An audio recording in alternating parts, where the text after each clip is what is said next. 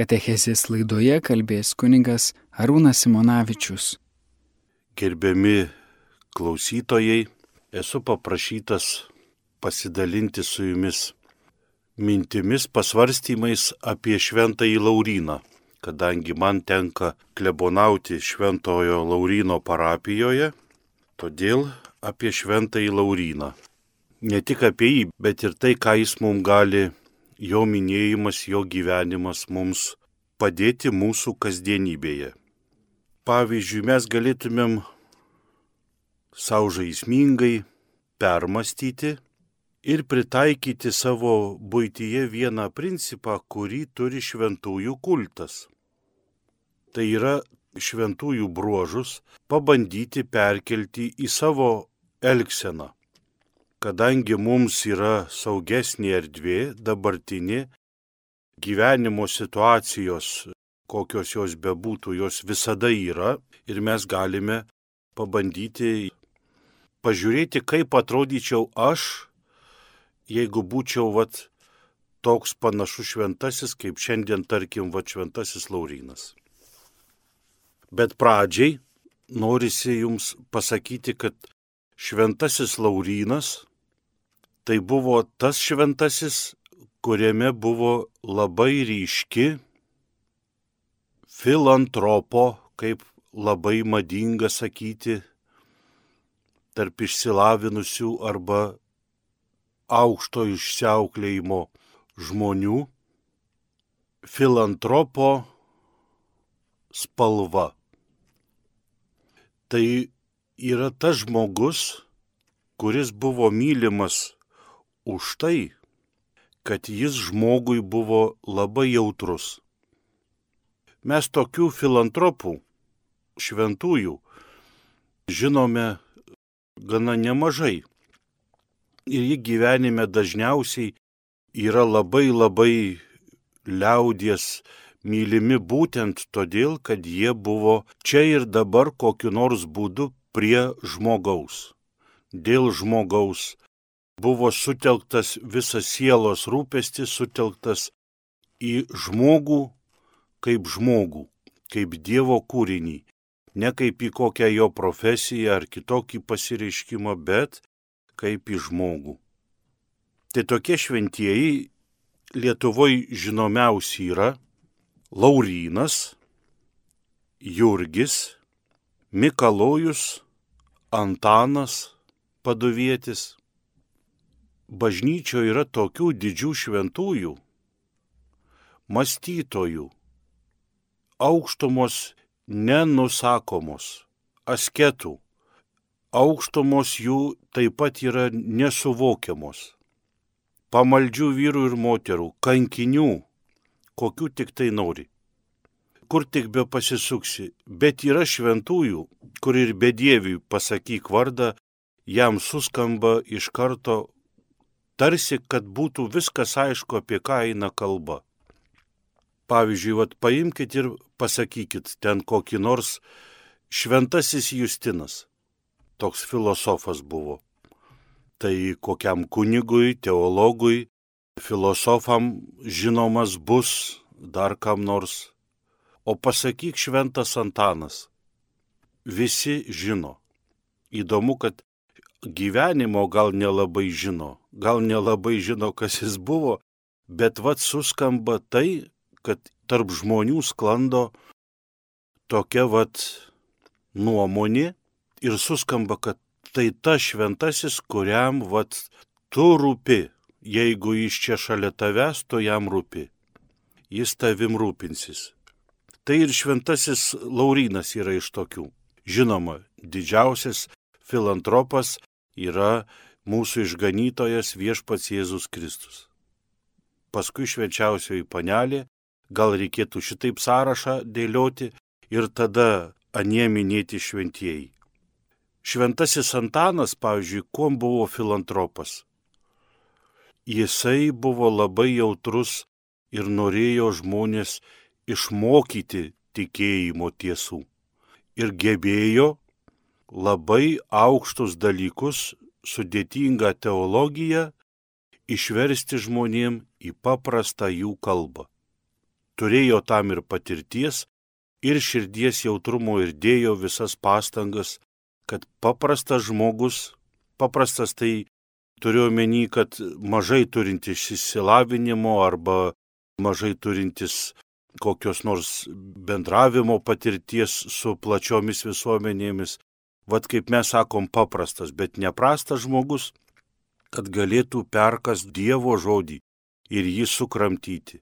Tai Antanas sukramtydavo Dievo žodį ir jau sukramtytą paduodavo savo žmonėms, savo dvasios vaikams tik nuryti. Šventas Mikalojus pasižymėjo kaip labai jau viskupai tais laikais buvo labai jau aukštas luomas ir žiūrėjo iš labai aukštai, į žmogų tai jisai iš tokių aukštybių, pats tiesa našlaitis, labai atjautė tėvų neturinčius vaikus ir juos globojo, saugojo ir padarė žmonėms tokį įspūdį, kad jisai myli. Šventasis Jurgis yra prašyta pasižymėjo pagarbą, pagarbiu elgesiu su savo kariais, su jam pavestais karininkais ir karvedžiais ir kareiviais ir pasitikėjimu. Tai toksai antikinis skautų įkūrėjas Baden Pauvelis, va taip maždaug išeitų. Ir kareiviai jį labai gerbė būtent už tai, kad jisai buvo tas karvedys, kuris juos laikė žmonėmis. Šventasis Laurinas, jo pareigos e, popiežiaus dvare, tais laikais apsijimti būti Romos vyskupu, tai reiškia pirmiau pasirašyti savo mirties nuosprendį, dar nebūtinai spėsi papopiežiauti. Tai greičiausiai tu tapsi ir tikrai tapsi kankiniu, tai jis buvo popiežiaus pagalbininkas, diakonas įvairiems bėdų prispaustų žmonių reikalams padėti tvarkyti. Ir žinoma, ir liturginiai patarnavimai jisai atliko ir archidiakono, vyriausiojo diakono pareigas. Kur tik pasisuksi, visur buvo labai aiškiai suprantama, kaip moneta, dvi monetos pusės suliet viena moneta su abiem pusėm mylėti Dievą ir žmogų. Ir buvo aiški nuostata, daugiau negu suprantama, kad negalime mylėti Dievo, kurio nematome, jeigu nemylime žmogaus, kurį matome. Tai būtent tai ir yra tikrieji filantropai. Gal nelabai ryški tokia ta sąsaja, bet pilotas, kai rodė Jėzų žmonėms, jisai bandė sugraudinti kunigų ten ir žydų kitų širdis. Sako, štai žmogus, žinoma, dar nuo intonacijos turbūt priklauso, bet labai tikėtina, kad jisai parodė, bent jau arkivyskupas Skvireckas kalba, kad tai buvo jautrumo gaida tose žodžiuose, kad štai žmogus stovi. Ar jūs galvojat, ką jūs darot? Kad jūs reikalą turit su žmogumi. Ir štai vėl šventasis Laurinas panašų veiksmą atlieka imperatoriui suvedęs žmonių būrį, vargšų būrį į kiemą, rodo imperatoriui ir sako, štai žmonės, štai tikrasis bažnyčios turtas. Tokia įdomi jo buvo ištarta frazė. Štai šie žmonės yra skrynios lobių ir tas savo turtus deda į jas tas danguje atsijims su didelė palūkana. Pamėginkim pažiūrėti, kur aš galėčiau būti Laurinas. Tiesa, dar aš kaip dvasiškis galėčiau atrasti, bet ir jūs galit. Komunijos prieimime diakonas dalina kartu su vyskupu komuniją kur aš kaip Laurinas galėčiau būti panašus. Filantropijoje, kur man rūpi žmogus, kur negaliu praeiti pro savo žmogų nepasirūpinęs. Man sąžinė nuolat primena, man tai aš turiu meni, kad ir man kalbėtojų, ir jum klausytojams tikrai sąžinė, kada einame pro kiekvieną žmogų, kuriam mūsų protas suvokia, kad jam reikalinga kažkokia pagalba ir mes gal jos nepajėgiam, bet mums sąžinė iškart sujudina mūsų jausmus ir sujudina mūsų protą, kad tam žmogui jis yra silpnas, vienokiu ar kitokiu būdu silpnas, jam reikia pagalbos. Arba atjautos. Ir aš einu pro kokį nors žmogų, nebūtinai einu pro jį, aš gal gyvenu su juo. Gal aš gyvenu su žmogum, kuris nori ir tikisi, tai gali būti ir mano sutoktinis, gali būti mano kaimynai, gali būti mano draugai, gali būti tiesiog žmogus, kuris čia yra šalia manęs, nebūtinai reikia važiuoti kažkur labai toli ir labai išieškotai pagalbos reikia visur žmogui. Nebūtinai materialios pagalbos, pasisveikinimas, kokias nors mano jautrus elgesys arba pagarbus elgesys su žmogumi. Kartais dabar pagalvau, gali būti nelysti prie žmogaus, irgi turbūt gali būti jautrus elgesys prie Jobo galėjo nelysti ir draugai. Kur aš praktikuoju savo jautrumą žmonėms? Jautrumas, kai mes sakom, kad va štai šitas žmogus, šiuo atveju Laurinas, buvo labai jautrus. Jis ir popiežiui buvo labai jautrus, ir savo šeimai jisai buvo labai jautrus. Jeigu žmogus jautrus, tai jis kiek įmanoma stengiasi daug kur būti jautrus. Kur aš esu jautrus? Tas jautrumas į savaime neatsiranda. Visos dorybės, visos gerosios savybės, jos žmogui ateina tik tai per praktiką. Ir jausmas, jautrumo pajautimas ne iš karto atsiranda. Jis reikalauja iš pradžių tiesiog pastangų, o malonumas, sotumo jau jausmas ateina žymiai vėliau. Tai reikia tokios praktikos. Aš turiu pagalvoti, kur aš noriu, kur aš galiu, ką aš pajėgiu, kokiu aš turiu gerų savybių, kurias aš galėčiau praktikuoti ir būti kitus praturtinančiu. Kaip Simonas Kirinytis pagelbinčiu, kaip Laurinas, kaip Šventasis Antanas. Kam aš galėčiau kuom nors, netgi vietos užleidimas atsisėsti, parodimas pagarbos senoliams, praleidimas žmogaus pirmiau praeiti. Šiti vat štai tokie mažiai ne žygdarbiai, ne neįspūdingo mastelio socialiniai ar karitatyviniai darbai. Žmogų šventu gali padaryti vat tokie maži žingsneliai. Aš jau galiu kiekvieną dieną žmonai arba savo vyrui kavos padarydamas, kiekvieną rytą pasakydamas labas rytas, arba prikasdamas liežuvį, kad nebumbėt, kiekvieną dieną aš tampu jautresniu, filantropu. Šventasis Laurinas demonstruoja ir visos bažnyčios, bet ir pavienio žmogaus labai aišku požiūrį. Asmuo ir bendravimas su asmeniu yra žymiai svarbiau negu turtas. Įdomu, kas būtų atsitikę, jeigu panaši situacija, tarkim, būtų vykusi su pilotu. Jeigu kas nors pilotui būtų pasakęs, žiūrėk, štai žmogus į Jėzų kaip jis būtų sureagavęs. Žinoma, čia galim te pasvarstyti tik tai.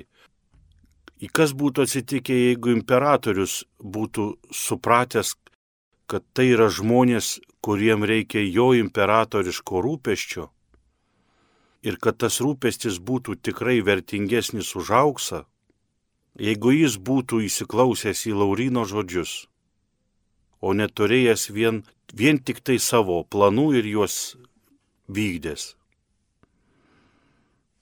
Ar aš į savo artimiausią žmogų, su kuriuo viename kambaryje miegu, ar aš į savo bičiulius, į savo kaimynus bandau pažvelgti, kaip Laurinas į savo parapiečius, kad tai yra mano lobis, mano lobio skrynė, į kurį aš kraunu savo turtą. Įsivaizduokit, jeigu tu jau žinai, suvoki ir išgirsti iš savo žmogaus, kad tu esi mano lobio skrinė, į kurią man savo auksą yra smagiausiai krauti, savo turtus, savo lobius. Žmogui šitas supratimas, žinojimas, kad aš kažkam rūpiu, yra pamatas ir variklis būsenos, kuri yra laimė ir dangaus karalystė rūpestį mes kartais išreiškėme šiais laikais taip keistokai. Šiaip žmonės labai daug kur rūpinasi vieni kitais. Kiek man tenka matyti savo aplinkos žmonių, turiuomenį savo parapijas, tai iš tiesų labai rūpinasi. Gal rūpesčio būdas yra toks neaiškus, kartais grubus. Kai aš, pavyzdžiui, nemoku žmogumi pasirūpinti tokiu švelnesniu būdu, kai žmonės nesupranta mano rūpeščio, ką daryti, tada būtų gerai pasakyti. Bet to, kad aš rūpinosi, pasakyti, kad aš tavim rūpinosi, tu man rūpi aš nenoriu tau paėst gyvenimo, nenoriu tau padiriguot, bet man rūpi, kaip tu, kas su tavim yra. Aš negaliu pro akis ramiai savo praleist. Žinot, kai būna žmogus nemoka bajerio pasakyti. Kaip dzukai sako, mediniais bajeriais juokauja. Tai kai pasakai kokį nors medinį juoką, o kartais net ir geležinį, ir matai, kad žmonės jau ne tai, kad šypsosi, bet vypsosi, tai tada jau geriau yra pasakyti, atsiprašau, aš čia humorą norėjau pasakyti, bairį. Kad žmogui nekiltų įtarimas. Tai mes iš tiesų turim rūpeščio kitais, mums kiti žmonės rūpinasi, kaip ir šventasis Laurinas, tik kartais jų rūpestis būna toks labai nesuvokiamas, įtartinas, neaiškus. Tai tada geriau paklaust, ar tu manim čia taip rūpestį rodai, tam, kad išsiaiškint, neįtarti kito blogame. O kodėl žmonės arba nesirūpina, sako, jis nemoka rūpintis kitais. Jis nemoka rūpintis kitais dar labai turbūt dėl to, kad kai jis bandė kokiu nors jam iš oro išmoko kažkaip tai pasirūpint, kai jis bandė rūpintis, kiti jo rūpeščio nepriimi. Vienas dalykas švento Laurino, kai jis mokėjo tą rūpestį parodyti. Jam gerai. Mums yra keblu tai, kad mums reikia dar išmokti ne tik rūpintis, bet ir priimti kitų rūpestį mumis ir tokį netašytą, ir išmokti apie tai kalbėtis mokslo šaknys labai karčios. Net ir tokio jautrumo mokantis reikia pajungti visas savo galės tiek proto, tiek jausmų ir labai laikyti, neleisti prabangos įtarti kitų arba įtarti savęs blogame. Būti savo kantriems. Bet paskui valgysim labai saldžius rūpeščio kitais vaisius. Valgysime labai gardžius jautrios širdies vaisius. Sažinė, kai mes arba priimsim kito žmogaus rūpestį ir jautrumą, arba kai pasimokysim truputį, arba parodysim kitiems žmonėms jautrumo, kad aš suprantu, kad tu esi žmogus, sąžinė mums iškart pradės siūsti signalą, Dievo duotas balsas pradės mums signalyt, kad valio, tu darai žygdarbį, tokį, kokį darė šventasis Laurinas, kokį darė švenčiausioji panelė šventas Antanas, kokį darė šventas Jurgis, kokį darė Jėzus Kristus. Turbūt, kad ne Laurino kankinystė ir ne Laurino pareigos jį tokiu garsiu šventojų padarė, o jo jautrumas kad jis pro žmogų nėjo, bet kaip jis mąstė apie kiekvieną žmogų. Apie šventą Lauriną mintimis dalinosi kuningas Arūnas Simonavičius.